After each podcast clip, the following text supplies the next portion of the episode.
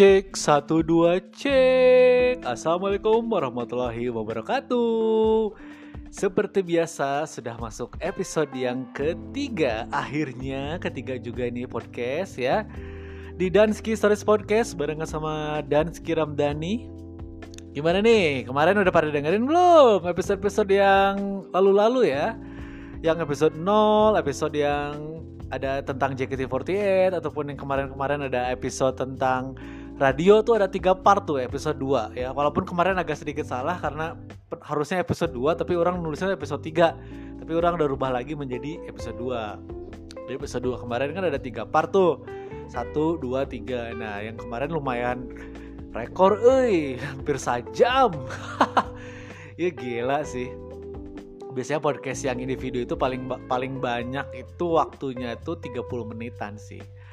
Dah ke mana sok atel ya, dah sok yang menambahkan sesuatu gitu walaupun udah capek tapi tetap gue masih penasaran pengen ditambah-tambahin gitu ya. Ya gimana nih apa kabar ya? Udah ma masuk hujan lagi nih ya di weekend berikutnya ini eh di weekend berikutnya lagi.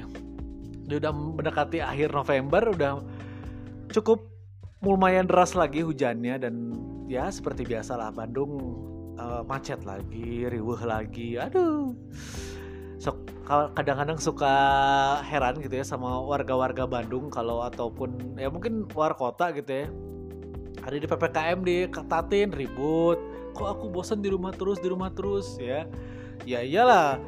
Lu mah di rumah tapi duit banyak ya mungkin bosan gimana caranya ngabisin duit kali ya bukan caranya gimana cara untuk dapat dapat duit lagi gitu kan. Kayak kita kita ini sebagai online driver ojek ya pasti jangan eh mau ditambahan di ppkm ya allah. Sekarang sih katanya udah level 1 ya alhamdulillah itu kalau gitu mah. Tapi ya nggak bisa dipungkiri lah kalau Bandung udah masuk weekend plat B semua mau arah Lembang arah Dago apalagi Cibaduyut dan Kopo itu ya Allah mendingan jangan lewat situ deh. Kalau kamu berkendara pakai mobil itu mendingan muter balik atau lewat jalan lain. Karena kalau itu bakal macet banget. Yang pakai motor aja itu capek gitu. Apalagi kalau tengah hari aduh rudet tinggali pembangunan kebul segala macemnya. Jadi makin melelahkan lah ya. Harusnya kan kita kan di zaman corona seperti ini walaupun udah pada vaksin kan tetap juga kalau kecapean juga imun akan menurun gitu kan dan ini tuh ya yang paling diuntungkan eh, orang-orang yang diuntungkan gara-gara corona ataupun work from home WFA itu ya orang-orang yang punya gaji tetap dan pekerja kantoran sih sebenarnya. Jelas itu mau udah pasti itu dan mereka udah kerja di rumah pakai laptop pakai wifi enak tidur. Aduh main game tidur main game.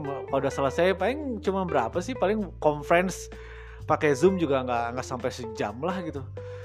Rata-rata mah udah cuman bentar gitu. Tapi kan yang pedagang gitu yang yang kecil-kecil mah ada itu yang jadi masalah itu itu yang jadi jadi kemarin sempet ramai juga kan. Ini gimana gitu pedagang? Dulu kan pernah ramai itu pedagang kaki lima aja diusirin kan sama tamtip gitu kan. Harusnya tutup jam 7 tapi ini masih ada. Ya gimana pak? Orang nyari duit gitu lamun bapak hoyong ngabubarkeun mah sok atuh pasihan artosna gitu. Sok bade sabaraha bade juta mangga bade 2 juta mangga kayak abi tutup. Nah gitu meren nu dipikiran pedagang-pedagang kaki lima pada saat itu tuh ya. Sekarang udah PKL PKL juga udah mulai ramai lagi yang di DU juga dimsum dimsum juga udah mulai wah itu udah berjubel lagi tuh. Ya anak-anak muda lah zaman zaman zaman now gitu. Aing mah geus kolot mah naonan atau nongkrong gitu ya karena salah satu yang nggak nggak orang suka adalah nongkrong sih. Yang kurang serak ya karena dari zaman dulu nongkrong tuh ya ngabisin waktu tepuguh gitu. Cuman ngopi ngerokok hahaha lagi bahkan batur udah gitu. Makannya cuman bentar ngomongnya lama. Eta nu jadi masalah tuh nu bikin malas tuh itu. Dan sering ada kata kagok kalau kita pengen pulang ya nggak? Misalnya kita nongkrong jam 7 malam nih ya hai makan sampai jam setengah sembilan tuh udah selesai makan udah beres minum udah kenyang pengen pulang karena badan udah capek tapi malu aneh ya ini orang-orang Indonesia mah ya. emang emang apa ya dunia nongkrong sih orang Indonesia apalagi Bandung gitu Bandung udah pasti lah ya apalagi yang punya hobi jalan-jalan ke Bandung, hobi main, oh itu udah surga banget kalau udah dilonggarin kayak gini gitu kan. Ya, udah mulai lenggang gitu ya, tapi ya tetap harus jaga prokes. Seperti biasa, jaga prokes, protokol kesehatan dan juga jaga jarak. Eh kalau nggak jaga jarak sih agak susah ya. Ya sekarang kalau di bank aja kalau dilihat dari ngantri customer juga gimana jaga jarak ya kalau customernya penuh juga tetap aja kan padadat gitu kan.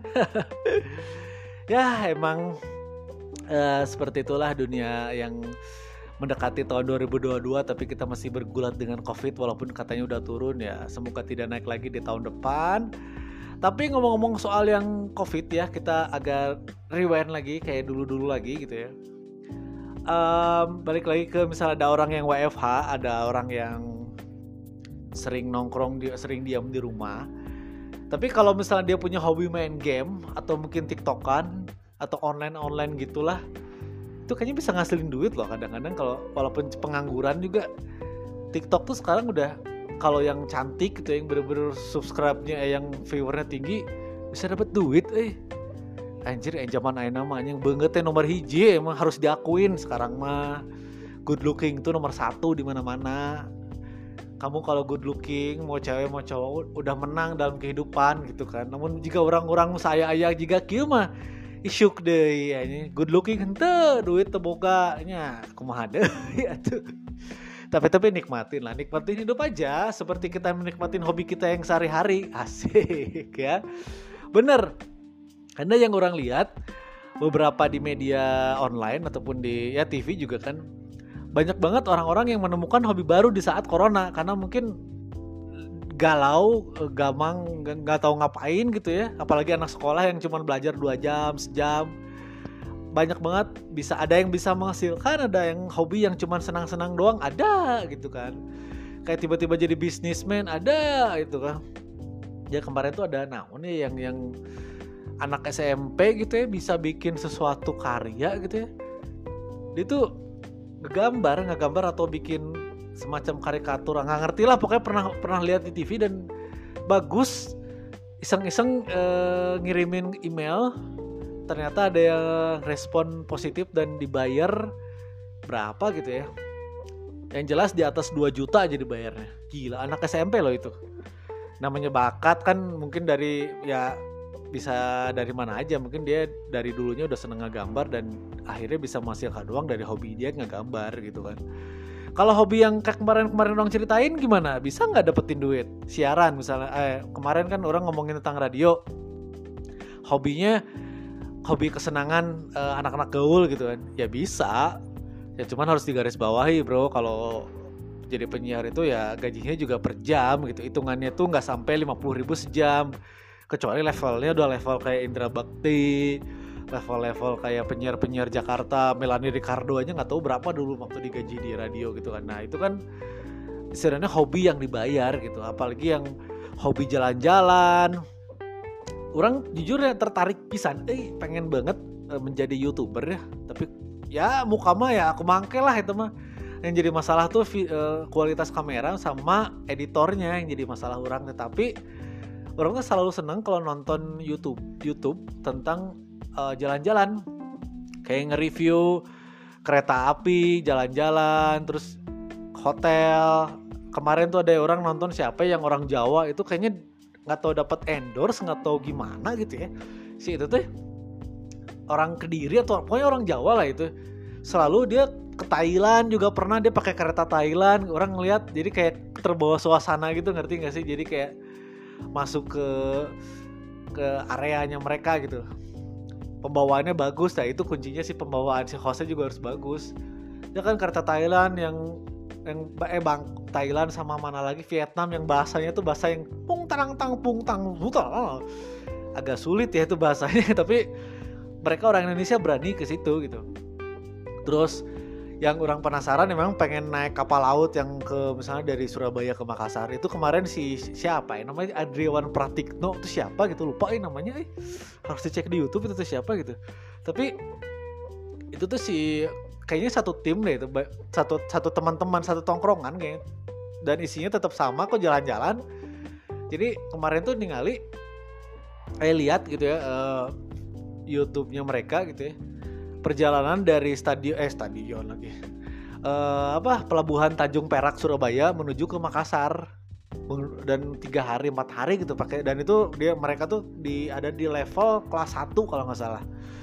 Level kelas 1 terus jalan-jalan gitu dilihat dia lihat di kapalnya terus ngeliatin di pinggir laut kayak gimana. Terus uh, ya ada ada VIP ada dia tuh kelas 1 kelas 1 aja hampir berapa ya 400 gitu ya Enggak, saya mikirnya iya baru kita tuh menang duit di mana gitu tuh. Think kayaknya sih emang sponsor sih. Buat mereka juga kan mensponsori kapal itu juga bisa aja gitu.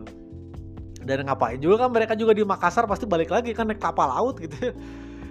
Jadi konten-konten yang berupa hobi jalan-jalan itu adalah favorit sih.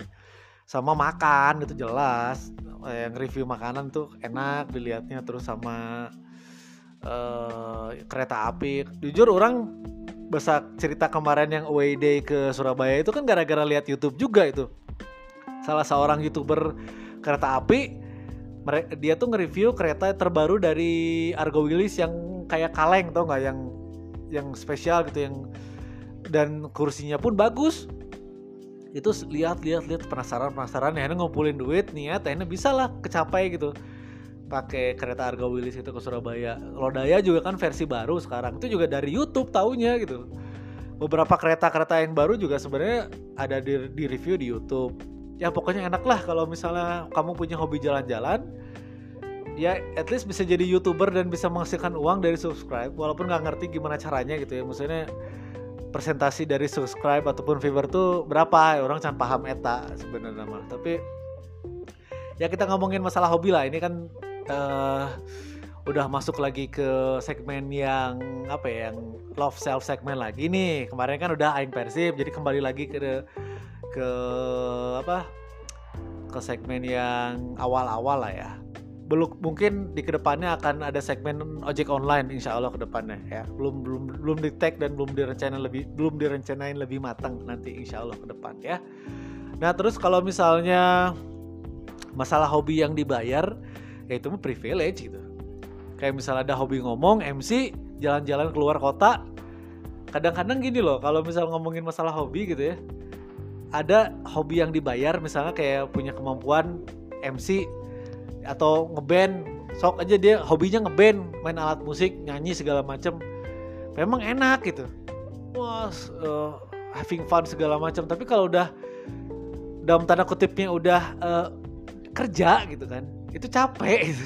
jadi bukan bukan bukan hobi lagi tapi emang udah tuntutan kerja gitu coba aja tanya itu yang yang artis-artis band gitu kan kayak dulu uh, siapa yang tour alhamdulillah yang Noah gitu yang tapi band sekarang udah nggak terlalu ramai sih ya kayak ada kesenangan mungkin menghibur masyarakat menghibur penonton tapi di satu sisi ada orang teh yang refreshing yang ulin tapi itu bisa gitu. Dituntut manajemen buat ayo dong ke sini ke sini ayo promosi ke sini.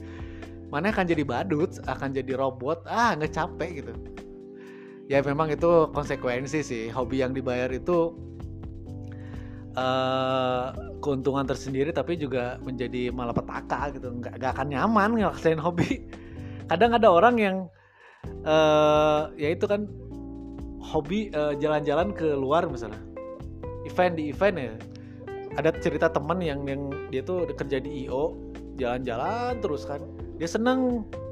Sama dia juga nge-MC juga. Dia, dia bisa nge-MC terus dia megang di IO jalan-jalan gitu. Maksudnya mau having fun gitu ya misalnya ke Bali. Terus dia pernah juga nge-MC di daerah Lombok sampai ke Sumatera. Udah udah hampir ke Indonesia tapi kan tuntutan tuntutan pekerjaan karena dia tuh masuk manajemen si IO nya jadi pressure-nya juga tinggi. Jadi di saat pengen main aduh ya orang gawe. Akhirnya dia pada saat udah beres dia cuti sebulan full liburan. Ngabisin hasil dari IO karena IO kan lumayan hasil dari apa ya dari dari penghasilannya gede itu bisa ya di atas limaan juta sih ada lah kalau kalau sponsornya gede-gede mah gitu. Nah tapi ada juga kan yang hobi yang hanya senang-senang itu juga nggak masalah sih, nggak harus hobi yang bisa menghasilkan juga. Gitu. Karena kalau ada hobi yang menghasilkan itu keuntungan dan bonus sih. Kayak ada orang yang kayak saya kan bobotoh nih supporter Persib dulu sering banget beli baju-baju Persib uh, jaket, shawl segala macam kayak semacam hobi lah mengkoleksi kayak gitu kan. Hobi-hobian gitu loh mengkoleksi baju-baju Persib bukan jersey ya. Ini ini belum masuk ke topik jersey ya yang utama nanti ya. Ini tuh baju-baju kaos biasanya t-shirt yang sering dipakai stadion biar nggak panas jadi kan bahannya harus katun enak gitu ya. tapi memang dipikir-pikir bisa ngasilin duit oke sih kalau di, di, di bisnisin mah gitu. Kalau jadi reseller dijual lagi iya. Cuman jatuhnya jadi nggak apa ya nggak nyaman weh gitu agak butuh channel yang lebih banyak. Nah itu salah satu kunci penting adalah hobi yang bisa dapat duit adalah ada channel yang banyak dan trust ke orang-orang tertentu. Kayak misalnya orang koleksi baju Persib, kaos, jaket, orang kudu bisa nyokot nu kualitasnya halus yang terpercaya gitu. Karena kalau ada yang bayar jangan sampai dia kabur. Kalau enggak bikin sesuatu yang baru itu bikin uh, desain baru dibikin kaos. Nah itu bisa dibisniskan memang gitu. Cuman kan nggak semua orang bisa ke pengen tapi nanti dulu deh gitu. Itu kan ya. Itu kan dulu uh, orang termasuk ho melakukan hobi-hobi yang aneh sih. Pada nggak banyak yang nggak apa ya nggak lazim buat seusia orang. Dulu pada saat SMP orang hobi nonton Formula One nonton F1 Michael Schumacher mania Ferrari mania karena pada saat itu yang penggemar F1 di sekolah itu dikit. Bener dikit. Kebanyakan Rossi MotoGP. Dulu zamannya Capi Rossi Max Biaggi Mike eh Mike Dohan udah udah resign kayaknya ya. Max Biaggi itu. Loris Capi Rossi wah itu bersinar banget kan di tahun 2000-an itu gitu. Sedangkan orang satu-satunya yang suka Formula One dan mengkoleksi juga atribut-atribut F1 Ferrari, kaos, stiker, sama satu lagi apa ya? Oh ya majalah. Sekarang sih kayaknya udah nggak ada ya majalah F1 Racing ya? F1 Racing itu tuh harganya 20 ribuan atau 15 ribu gitu ya. untuk anak sekolah sih mahal harus ngumpulin uang jajan beli majalah itu gitu.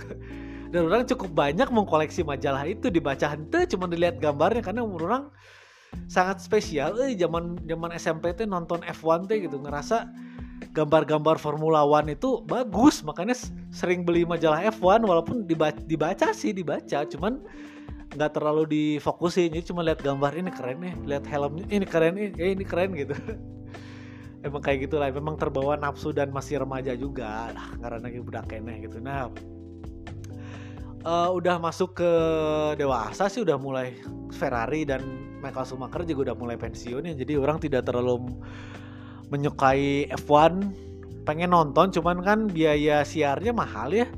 Beberapa stasiun TV juga nggak mau menyiarkan gitu. Terakhir kali F1 disiarin di TV lokal kan zamannya Rio Haryanto. 2000 berapa tuh? 2016 atau 15 gitu. Setelah Rio Haryanto bubar atau nggak ngelanjutin di F1 karena nggak punya duit udah selesai. Di tahun depannya nggak ada lagi F1 sebel akhirnya yang ada kan di TV MotoGP kan jadi fanatisme MotoGP itu kencang. Makanya tahun depan ada Mandalika sirkuit kan buat uh, ngedatengin pembalap MotoGP gitu kan. Kalau F1 sih kayaknya levelnya udah berkurang di Indonesia gitu ya. Kalau MotoGP masih megang sih kayak kayaknya gitu. Masih banyak fans Valentino Rossi yang kemarin oh iya Rossi juga sedih eh setelah Michael Schumacher pensiun ternyata Valentino Rossi juga harus pensiun dari ajang MotoGP. Udah ber, dia berapa tahun ya? Ya lumayan lah. Dia kan pernah mencicipi sirkuit Sentul di Indonesia. Terus juga pernah iklan bareng sama Komeng. Yang lain pasti ketinggalan. Berjung baju Sararoek eta. Ingat dari Valentino Rossi mah CS na Komeng gitu. Aja eta. Kocak sih itu mending iklan zaman dulu ya sama Komeng pembalap legend itu ya. Bisa gaul sama pelawak luar biasa Valentino Rossi. Ya selamat lah buat selamat menempuh jalan baru untuk pensiun. Siapa tahu mungkin nanti jadi youtuber mungkin jadi tukang ngoprek motor. Ya hai guys saya Valentino Rossi. Sekarang ini saya lagi ngoprek motor ngayukeun non non artinya rangka ataupun apalagi kalau motor metik gitu ya. Oh ini suaranya udah keras nih. Ini laharnya udah kena waduh ala-ala bengkel teh di perutulan KB ya jadi itulah MotoGP memang ngetren di Indonesia dan orang sebenarnya nggak terlalu suka MotoGP orang lebih seneng F1 gitu. Nah ke sini ke sini udah masuk di era SMA kuliah sepak bola dong. Walaupun orang jujur uh, orang seneng nonton bola tapi nggak bisa main bola. Kenapa? Karena tidak dilatih dari dulu yang pertama. Yang kedua punya masalah di penglihatan. Kalau kacamatanya dibuka teka ciri demi alo bolor aing teh. Jadi pernah satu momen di mana main bola kehantem bola di apa ya di deket pelipis potong udah nggak sekolah tiga hari saat itu waktu SMA ya ya kacamata orang ini adalah minusnya gede. Terus juga ini sentral banget dan barang paling penting lah dibandingkan dompet dan duit mah. Iya kacamata gitu penting gitu. Jadi waktu itu pernah potong ke lagi main bola ke ketembak bola patah di pelipis kiri itu ya ya nggak bisa nggak bisa dilanjutin. Sekolah aja tiga hari jadi harus beli yang baru saat itu kan. Waduh cukup gitu kumaha dan PR juga sih buat orang adalah uh, kacamata itu bikin gogolosoran apa ya namanya ya. Kalau berkeringat itu selalu jatuh ke hidung jatuh ke hidung gitu kan nggak enak. Jogging sendiri aja di gasibu itu susah ini kacamata teh nggak golosor wae gitu kan. Jadi agak susah lah gitu uh, punya punya kekurangan di mata dan agak kan rata-rata kalau orang yang main bola kan nggak ada yang pakai kacamata ya gimana caranya coba pakai kacamata? Ada sih Edgar David tapi kacamatanya kacamata kayak gitu kan terlucu gitu kan. Tak asup ke orang gitu. Tapi orang memang udah menyukai bola saat itu udah mulai uh, ke ala Persiban Viking ya kalau diingat cerita yang kemarin kan away pertama kan SMP nyata ke mulai bogoh orang ke sepak bola gitu kan. Salah satunya ya Persib sama eh salah salah dua lah ya. Manchester United MU zaman David Beckham. Karena orang ngerasa anjing David Beckham tuh bukunya keren aja pernah sengaja waktu SMP rambut itu di kayak David Beckham. Dah sup aja emang masalah nama banget karena David Beckham kan ganteng rambut belah tengah nah orang aja juga naon aja. Allah. Ya jadi ya itulah nggak nggak terlalu suka olahraga yang berkelompok lebih senang yang sendiri. Ada juga yang hobinya olahraga loh. Oh iya uh, ada orang yang hobinya sepak bola bener-bener sepak bola main lapang gede. Ada yang hobinya main futsal ada yang hobinya jogging ada yang hobinya sekarang lagi ramai mungkin sepedahan uh, touring ke luar ke mana pakai sepeda lagi lagi rame kan. Bikers bikers yang bikin macet jalan gitu kadang-kadang suka kesel gitu. Jojol ke tengah weh. Padahal udah ada jalurnya di sisi tapi tetapnya ke tengah kan rodat gitu kan. Ya, jadi memang di zaman corona ini banyak banget hobi-hobi baru. Namun orang ya kalau hobi yang orang muncul itu dari era 2010 itu ada. Namanya kolektor jersey jersey Persib sama MU dulu. Kan dulu kan fansnya lebih ke Persib sama Man United ya. Jadi orang mengkoleksi awal-awalnya tuh ya jersey Persib kalau nggak jersey MU. Nah di setelah 2013-an kok makin tertarik ya? Karena orang ningali jersey-jersey Eropa tehnya nu kualitasnya ya grade ori lah ya nu KW desain. Karena orang ningalina desain hela. Ini desainnya kok bagus, ini beli. Pernah dulu beli yang jersey klub Vietnam sama Liga Brazil tuh bagus-bagus loh. Harganya pun biasanya lebih murah ya antara 70 ribu 50 ribu gitu kan.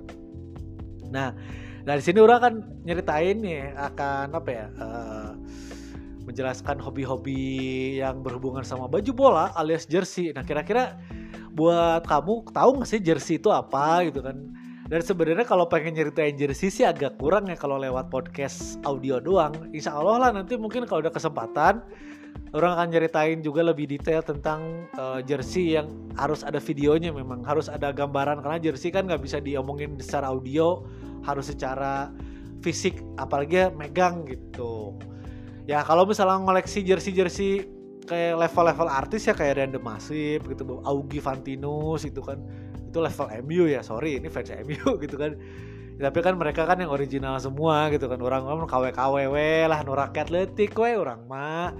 Dipakai lagi jarang hanya untuk kesenangan lihat mata doang. Eh punya jersey bola nih keren gitu. Karena dulu tuh susah banget. Nah ini balik lagi ke sejarah. Kita tarik banget ke belakang.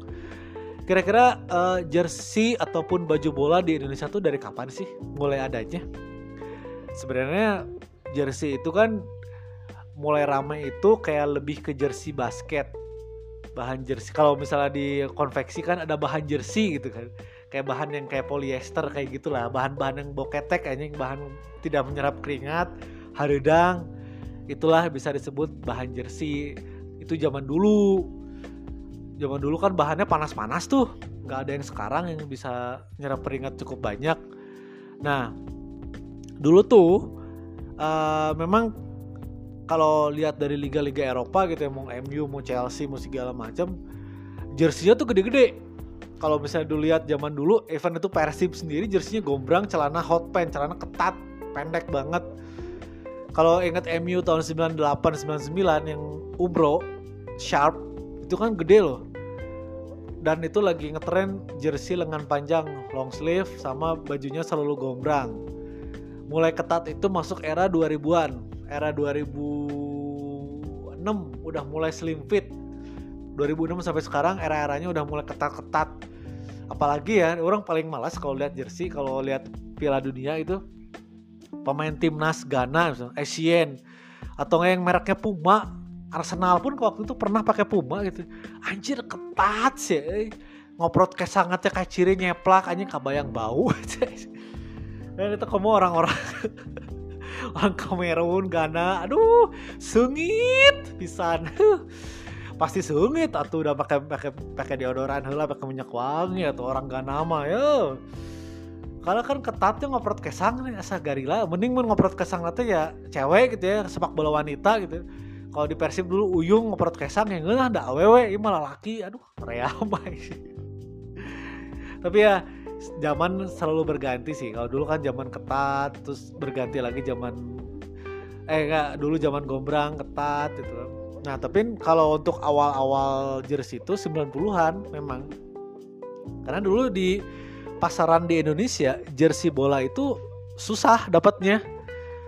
Mana yang yang dapat no original, ayah ke toko mungkin di toko Nike, Adidas, Puma itu ada. Cuman kalau untuk levelnya grade bawah, KW, KW Cina, KW Thailand itu belum ada tahun 90-an.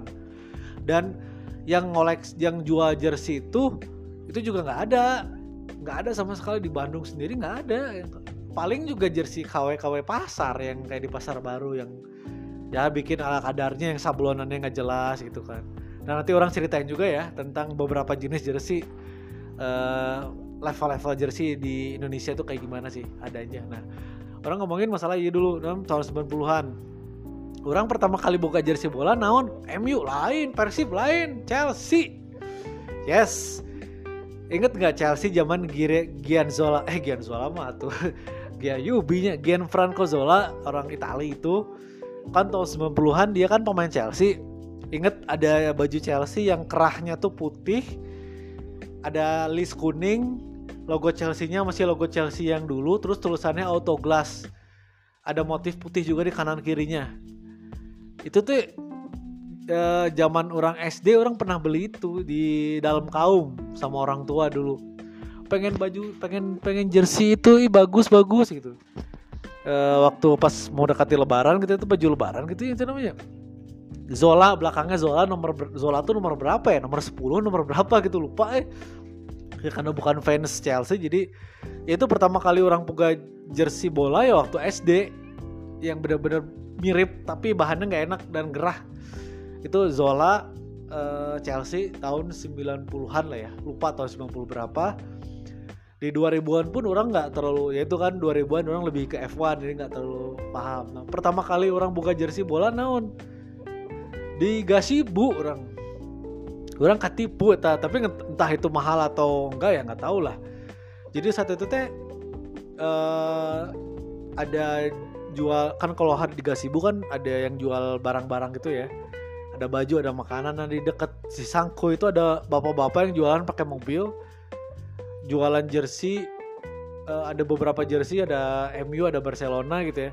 Orang beli MU pertama kali itu tapi harganya mahal asli padahal bisa dengan harga murah tapi memang saat itu memang mahal sih. Kan orang tak apa teh ya gitu. Harganya tuh berapa ya?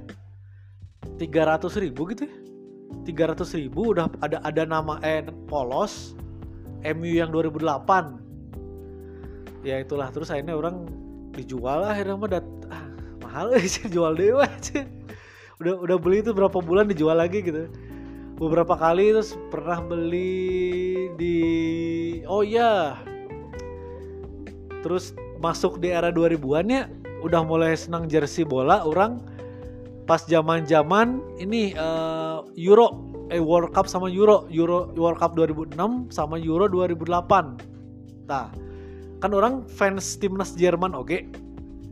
Selalu ngefans dari dulu ke timnas Jerman Michael Balak Podolski orang suka banget lah sama mereka pemainnya permainannya bagus gitu kan nah orang pernah beli dulu tuh sempat ngetren juga sih di Bandung ya beberapa penikmat jersey bola tahu ada namanya Gibol, gila bola. Itu ada di BIP sama BSM. Kalau sekarang TSM.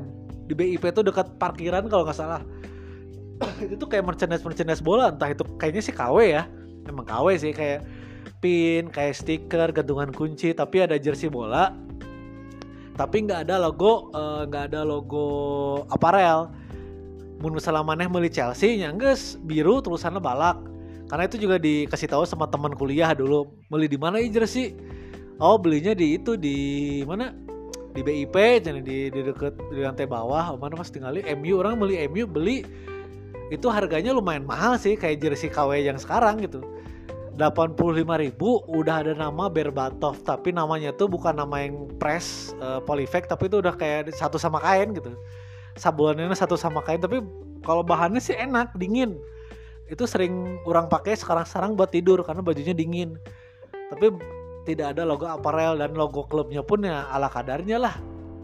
Logo klubnya pun ya gitu eh gitu bututnya KW gitu itu sempat ngetren di era 2008, 2007 sampai 2010 tuh ngetren jersey-jersey yang dari gibol gila bola di BIP sama BSM kalau nggak salah dulu ada yang kayak gitu kan. Nah orang pernah apa nobar final champion 2008 kan orang melihat baju MU di kamp di sebelum ke kampus tuh nobarnya di kampus di Stikom di Lodaya.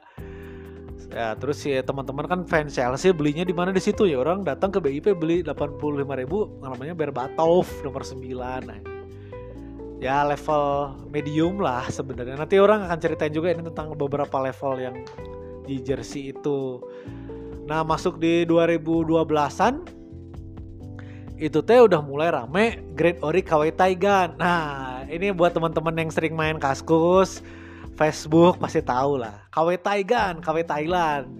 Harganya lumayan, belum dulu tuh masih di bawah eh masih di atas 100 ribu. MU orang beli MU yang tahun 2013 yang kayak tapak meja karena orang masih kerja di IF itu di English First orang pesen di Kaskus dikirim ke kantor eta IF bahwa harganya berapa coba? 165 ribu. Jersey Man United player isu yang tapi player isu sih karena orang termasuk yang senang player isu. Agak slim fit sablonnya bagus si polyfect terus si nama apa ya si nama logo klubnya juga bagus kalau sekarang sih yang player isu yang benar-benar mirip banget sama yang dipakai pemain itu sekitar 120-an 110 sampai 125 lah. Yang paling mahal tuh 125 paling murah 110 mungkin peminatnya lagi kenceng kali ya player isu sekarang jadi pasti dinaikin. Kalau dulu player isu sekitar 90 ribuan. 90 ribu 80 ribu. Nah yang biasanya 70 ribu ya jadi memang ya setiap tahun ada peningkatan harga mungkin gitu nah itu kan lagi ngetren tuh di tahun 2012an tuh yang kaskus kaskus karena toko-toko jersey di Bandung ataupun di beberapa kota tuh nggak ada kebanyakan ya toko baju biasa dan jersinya jersey KW biasa gitu. Nah kalau itu tuh dulu uh, uh, cuman adanya online beli jaket, beli jersey Man United itu tuh hanya berupa online aja gitu. Ya pokoknya mah ya lumayan lah kalau misalnya beli yang KW aja harus bisa ngegocek eh harus bisa ngambil uang 100 ribuan ke atas ya lumayan sih. Dan itu nunggunya juga lama kan dari kaskus gitu kan dari online ngirim barang. Ah rudat lah itu sebenarnya apa nah orang nah kalau udah masuk ke era-era sekarang 2013an udah mulai banyak si Doli udah mulai jual yang Grand Ori terus beberapa toko-toko jersey udah mulai berbunculan UMKM jersey udah mulai banyak di kota Bandung. Harganya berapa? Di bawah 100 yes awal-awal sih memang sekitar 100 ribu lah. Jersey baru musim baru biasanya 100 ribu. Kalau jersey lama 80 ribu. Nah kalau sekarang jersey baru itu 80 ribuan sampai 100 ribu tergantung kualitas dan klubnya apa gitu. Ya aduh kayak dulu kan orang pernah beli yang dari BIP itu kan tulisan Michael Balak inget kayaknya itu Michael Balak 2008 bahannya enak. Ya itu dia kan tapi nggak enak untuk dikoleksi gitu. Karena menurut orang orang tipikal orang yang mau koleksi jersey itu yang kualitasnya bagus. KW boleh tapi bapuk jangan gitu minimal jangan kelihatan KW-KW banget lah gitu. Yang logo Nike-nya ngaco gitu kan logonya kayak gimana gitu kan. Yang harus ada kualitas sebenarnya mah kalau ngomongin jersey bola mah gitu. Nah ini buat teman-teman pendengar juga yang uh, koleksi jersey kayaknya kita sama deh. Kita harus masuk komunitas koleksi jersey ya. Nggak nggak original sih. Kalau original orang punya beberapa gitu kan. Nah itu kan masuk ke era itu. Nah orang bisa nggak sih beli yang jersey original? Kalau original tuh biasanya langsung dapat di toko. Karena orang MU aja punya dua yang original tapi itu harganya harga diskon gitu kan. Orang beli jersey MU original yang Adidas yang pertama kali era Mourinho eh Van Hal Mourinho lah pokoknya lupa itu Adidas aja. Pertama kali ganti April Adidas itu diskon. Tapi tetap mahal sih dari 800 ribu menjadi 500an jadi kadang-kadang dulu tuh duit gaji kerja tuh habis buat kayak gitu eh aneh. Tapi yang sangat menyenangkan gitu kalau fans tuh punya jersey original. Persib pertama kali punya jersey original orang 2010 itu uh, tapi ngaranna ngaran Rizky sih Rizky R. Zamannya Diadora. Original tapi remake remake original ngerti nggak? Jadi bukan original di toko karena dulu kan dapetinnya susah nah kalau 2010 itu orang pesan ke satu tempat anak budak Viking nah Viking Antapani gitu ya.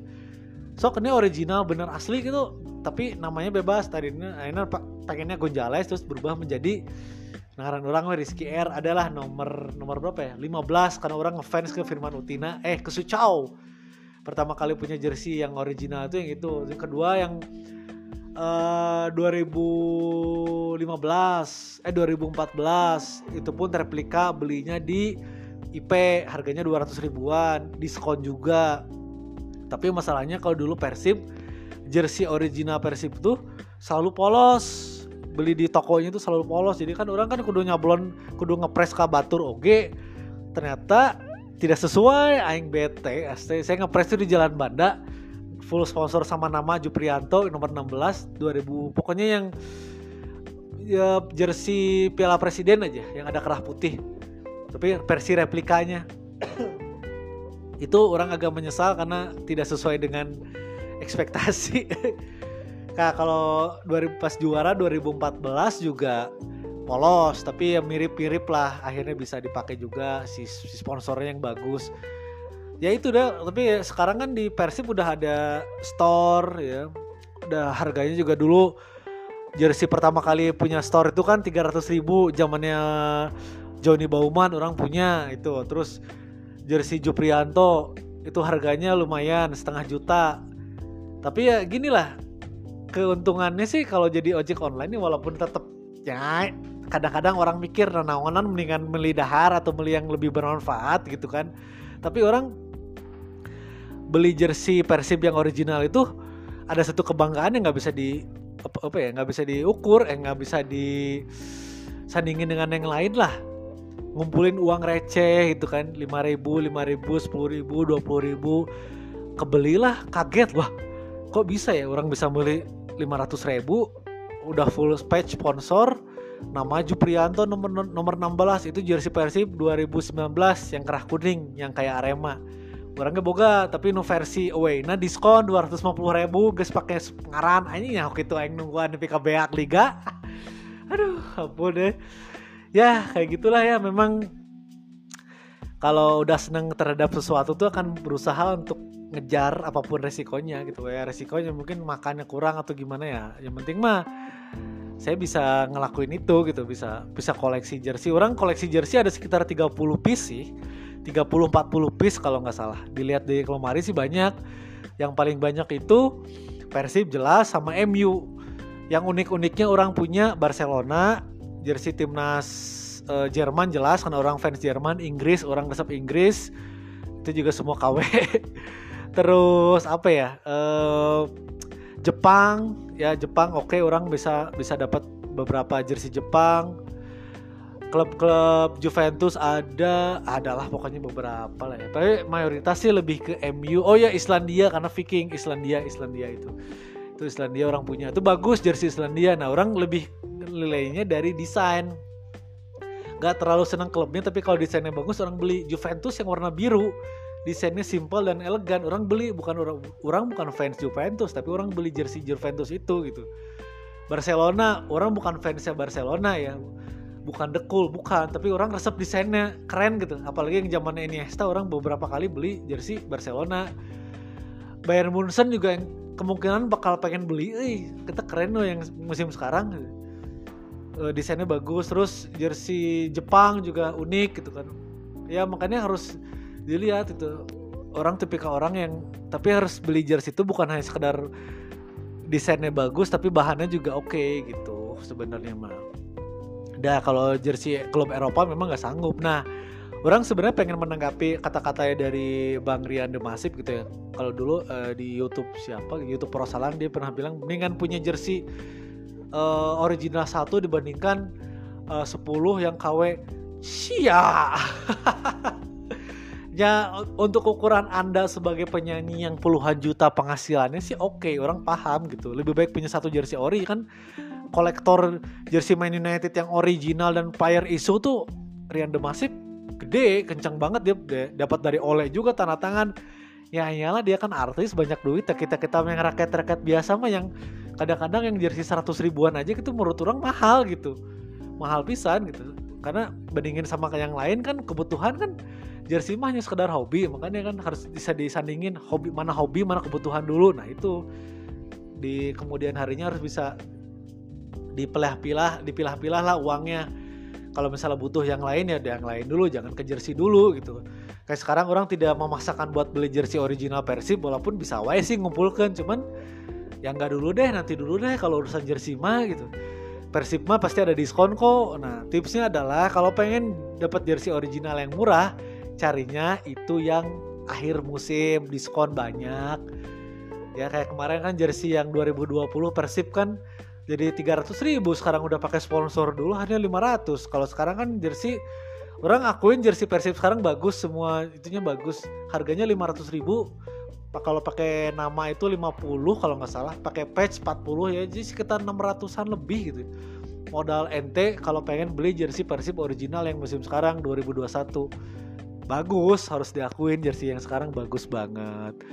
Nah ini kan uh, sangat menyukai banget kenapa suka banget sama uh, dunia jersey bola gitu. Pengen banget sih masuk komunitas cuman ya komunitasnya juga komunitas yang tidak pure original gitu. Orang ada beberapa yang original cuman kebanyakan yang KW gitu kan. Ada sedikit kebanggaan lah kalau ngoleksi jersey itu nggak tahu ya. Karena menurut orang jersey itu kayak slogan Persib jersey yang sekarang this is our shield. Itu adalah perisai ataupun tameng uh, seragam tempur dari klub-klub kesayangan ataupun yang unik lah yang pengen dicari gitu kan. Bahkan orangnya punya jersey Madura Madura United karena bagus hitam merah putih merah putihnya waktu 2018 tuh bagus desain desain jersinya sama persebaya di luar persib sih persebaya KW juga. Nah gimana caranya ngebandingin kalau di Indonesia? Ada ada beberapa jenis-jenis jersey yang harus diketahui aduh enaknya sih ini ada video. Ya udahlah kapan-kapan lah dibikin tentang tema jersey tapi versi YouTube. Insya Allah amin. Ya Allah semoga bisa ya. Jadi yang pertama itu kalau dilihat dari jenis-jenis jersinya yang ada di Indonesia 10 tahun terakhir atau mungkin dari zaman dulu boleh lah. Yang pertama itu adalah kau jenis KW pasar. KW pasar tahu dong kayak kamu beli di pasar baru di Tegalega atau di pasar malam di gasibu yang bahannya tuh bahan panas dengan jarak peringat. Lihatnya dari mana? Bahannya nggak enak panas. Terus yang kedua logo klubnya nggak bagus logo logonya eh, nggak ada biasanya sih nggak ada logo aparel asal-asalan jadi tipikal yang ini adalah ada ada juga sih mungkin yang mau koleksi ya. Tipikal yang ini adalah orang yang uh, asal punya aja gitu aja nggak apa-apa lah. Mau ketek juga nggak apa-apa. Yang penting mah asal punya jersey aja. Kayak di, di stadion Siluwangi itu kan. Nah itu kan jersey KW pasar. KW-nya asal-asalan gitu kan. Tidak dibikin secara maksimal. Ya yang penting mah ada gitu kan. Ya kita nggak bisa menyalahkan. Itu mah tergantung dari segi sudut pe punya penghasilan ekonomi masing-masing gitu. Orang ada orang mah sanggupnya di dia. Nya enggak KW pasar lah orang nangana itu kan. Nah yang kedua anjing Gus 45 menit deh. Aduh aing rekor di wae. Tadinya rencana tuh ini tuh ngomong tuh ya pengennya 30 menit cuman melebar lagi. Nggak apa-apa hajar. Dan ski stories podcast mah podcast sendiri tapi panjang. Sok wani ngadu aing mah. Ayo lah. Ya terus yang kedua adalah uh, jersey grade ori KW Thailand.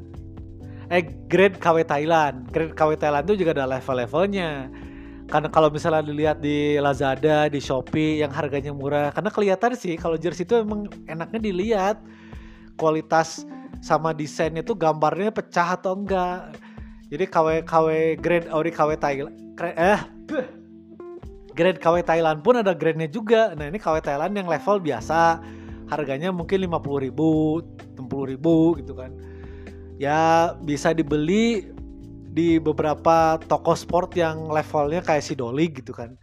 Ya si Dolly kan levelnya level kayak gitu gitu kan level-level yang menengah ke bawah lah gitu kan. Nah terus ada grade ori. Grade ori ini yang benar-benar setlek mirip sama yang aslinya.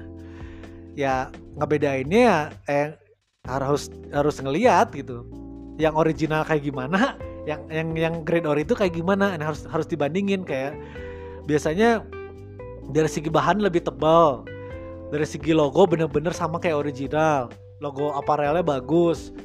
Desain-desain detail-detail. Kadang gini lah kalau MU kemarin yang Grand Ori itu detail si sublimasinya tuh kelihatan. Tapi kalau yang biasa kan yang KW biasa nggak kelihatan tipis. Terus si logo tangannya kecil. Kalau yang Grand Ori tuh agak gede agak mirip. Nah itu biasanya yang ngebeda. Harganya ya sekitar 80 ribuan kalau GO gitu kan Nah level paling tinggi untuk urusan jersey KW itu ada level uh, Grand Ori tapi versi player isu. Nah ini bener-bener setlek mirip banget sama pemain. Karena orang kemarin beli jersey MU yang 2021 home sama yang third yang biru itu mirip sama yang dipakai pemain. Dari segi logonya gedenya sama apparel pas uh, dari segi tangan si ada karetnya itu sama Persib pun sama dulu pernah pakai kayak gitu gitu kan. Pernah eh pernah ada. Itu namanya jersey KW Cina. Di tahun beberapa tahun ke belakang tuh jersey KW Cina tuh benar-benar jersey yang sama persis sama si yang original. Cuman ada beberapa beberapa yang agak beda tuh kayak misalnya si logonya terlalu agak tinggi atau agak bawah itu kan. Orang pernah beli jersey KW yang Grand Ori Persib yang tahun kemarin itu logo azurinya terlalu bawah kan gak enak ya kalau dipakai nama. Nah, makanya kan biasanya itu kalau jersey eh, KW-KW Cina itu muncul di pertengahan musim. Yang nggak tahu nih jersey Persib musim ini apakah muncul versi Cina atau sekarang kan lagi ramai versi supporter dan versi supporter pun harganya 175.000 tapi beda uh, ya bahannya tuh sablonan semua nggak bukan polyfake nah itu kan harus harus secara rinci dilihat gitu. Kalau pengen koleksi jersey itu harus detail. Nggak bisa ngasal-ngasalan apalagi kalau misalnya logo. Jadi buat kamu yang pengen beli lo jersinya terutama Nike. Nike itu kan logonya kan harus sejajar sama klub ya. Checklistnya tuh harus sejajar dan keker gitu. Bukan nyengsol kadang-kadang kalau ada jersey KW yang nyengsol ke atas atau kecil banget. Atau enggak baju bajunya kegombrangan nggak jelas. Wah itu kelihatan banget KW-nya. Makanya kalau pengen beli jersey KW nggak apa-apa, itu hak Anda, itu hak sesuai dengan keuangan Anda gitu kan. Belilah jersey yang kualitasnya bagus dan grade original, jangan yang asal-asalan gitu. Karena buat yang pengkolektor jersey mah itu menjadi nilai prestis tersendiri kecuali emang asal punya mah ya terserah kalau asal punya mah ya asal punya jersey mah ya mangga we bebaskan gitu dan baik lagi kalau ngoleksi jersey tetap di fokusnya adalah urusan yang lain dulu. Jangan kalau misalnya buat kebutuhan motor, kebutuhan makan, kebutuhan apa itu yang lebih diutamakan. Jersey mah hanya sebagai koleksi karena orang yakin orang yang ngoleksi jersey dipakai nemang kan seberapa hiji. Hanya diam di lemari jersey original MU aja nggak pernah dipakai sampai sekarang gitu kan. Yang harganya mahal itu Persib juga belum pernah dipakai sampai sekarang yang original. Hanya beberapa yang versi tahun-tahun sebelumnya yang dipakai gitu kan. Nah jadi ya tetap harus bisa seimbang lah. Hobi jalan kehidupan sehari-hari juga jalan. Gitu kawan. 50 menit rekor dewa Allahu Akbar. Hidup Persib hidup jersey bukan ya biasanya sih kalau ngebahas masalah hobi dan kesenangan lo pasti panjang banget. Ya pasti lebih dari 30 menit malah ada lah gitu kan. Nah ini kan ini masuk ke 50 menit 24 detik. Ya udahlah kayaknya ya. Segitu aja. Saya sudah menggebu-gebu sekali untuk menceritakan tentang kolektor jersey gitu. Nanti sebenarnya kalau ngomongin jersey bola lama lebih enak ada videonya. Amin. Pengen banget sih itu pengen banget ya Allah. Ini mah hanya sekedar ya intermezzo dan bridging lah. Siapa tahu nanti bisa ada versi videonya. Bisa ada di kemudian hari yang yang bisa ngedit juga harus ada gitu kan. Ya yang jelas uh, namanya laki-laki ataupun siapa pun mau perempuan mau laki yang punya hobi itu pasti ada. Terserah mau ngelakuinnya kayak gimana mau hobi nyanyi hobi jalan-jalan hobi makan hobi tidur. Banyak banget hobi yang bisa lo lakuin asalkan senang dan bahagia. Dan jangan ngatur-ngatur hobi orang. Eh nah mana masih kayak gituan. Urusan ting jeng mana gitu. Jadi jangan nombat derwat desai lah apa kata orang lain. Yang penting mah mana bahagia wae guys gitu kan jangan sampai dengar kata-kata orang lain ngejelek-jelekin hobi mana gitu kan. Jangan ngejelekin hobi orang kalau hobi sendiri juga nggak mau dijelek-jelekin sama orang lain. Asik. Siap pokoknya ya. Setiap jaga kesehatan setiap uh, jaga kesehatan pokoknya tetap rajin makan pokoknya ya ya pokoknya buat yang pengen ngoleksi jersey atau ngobrol-ngobrol tentang jersey yang kawe-kawean ayo ketemu sama saya dan Skiram Dani kita sharing-sharing aja lah. Yang original juga ada yang KW juga ada. Yang KW silahkan. Jangan ngejelek-jelekin orang yang eh jangan jangan minder. Yang buat yang koleksi yang original juga jangan sombong. Wah ini gua original. Kita harus menghargai produk orang lain. Iya tapi kan masalah keuangannya beda-beda cuy ada yang mampu beli original silahkan ada yang mampu ya beli yang KW-KW yang tapi yang grade ori yang bagus juga silahkan terserah yang penting mah anda bahagia anda senang ter tetap tersenyum lah pokok namanya lah Udah segitu aja episode kali ini. Wassalamualaikum warahmatullahi wabarakatuh. Bye bye.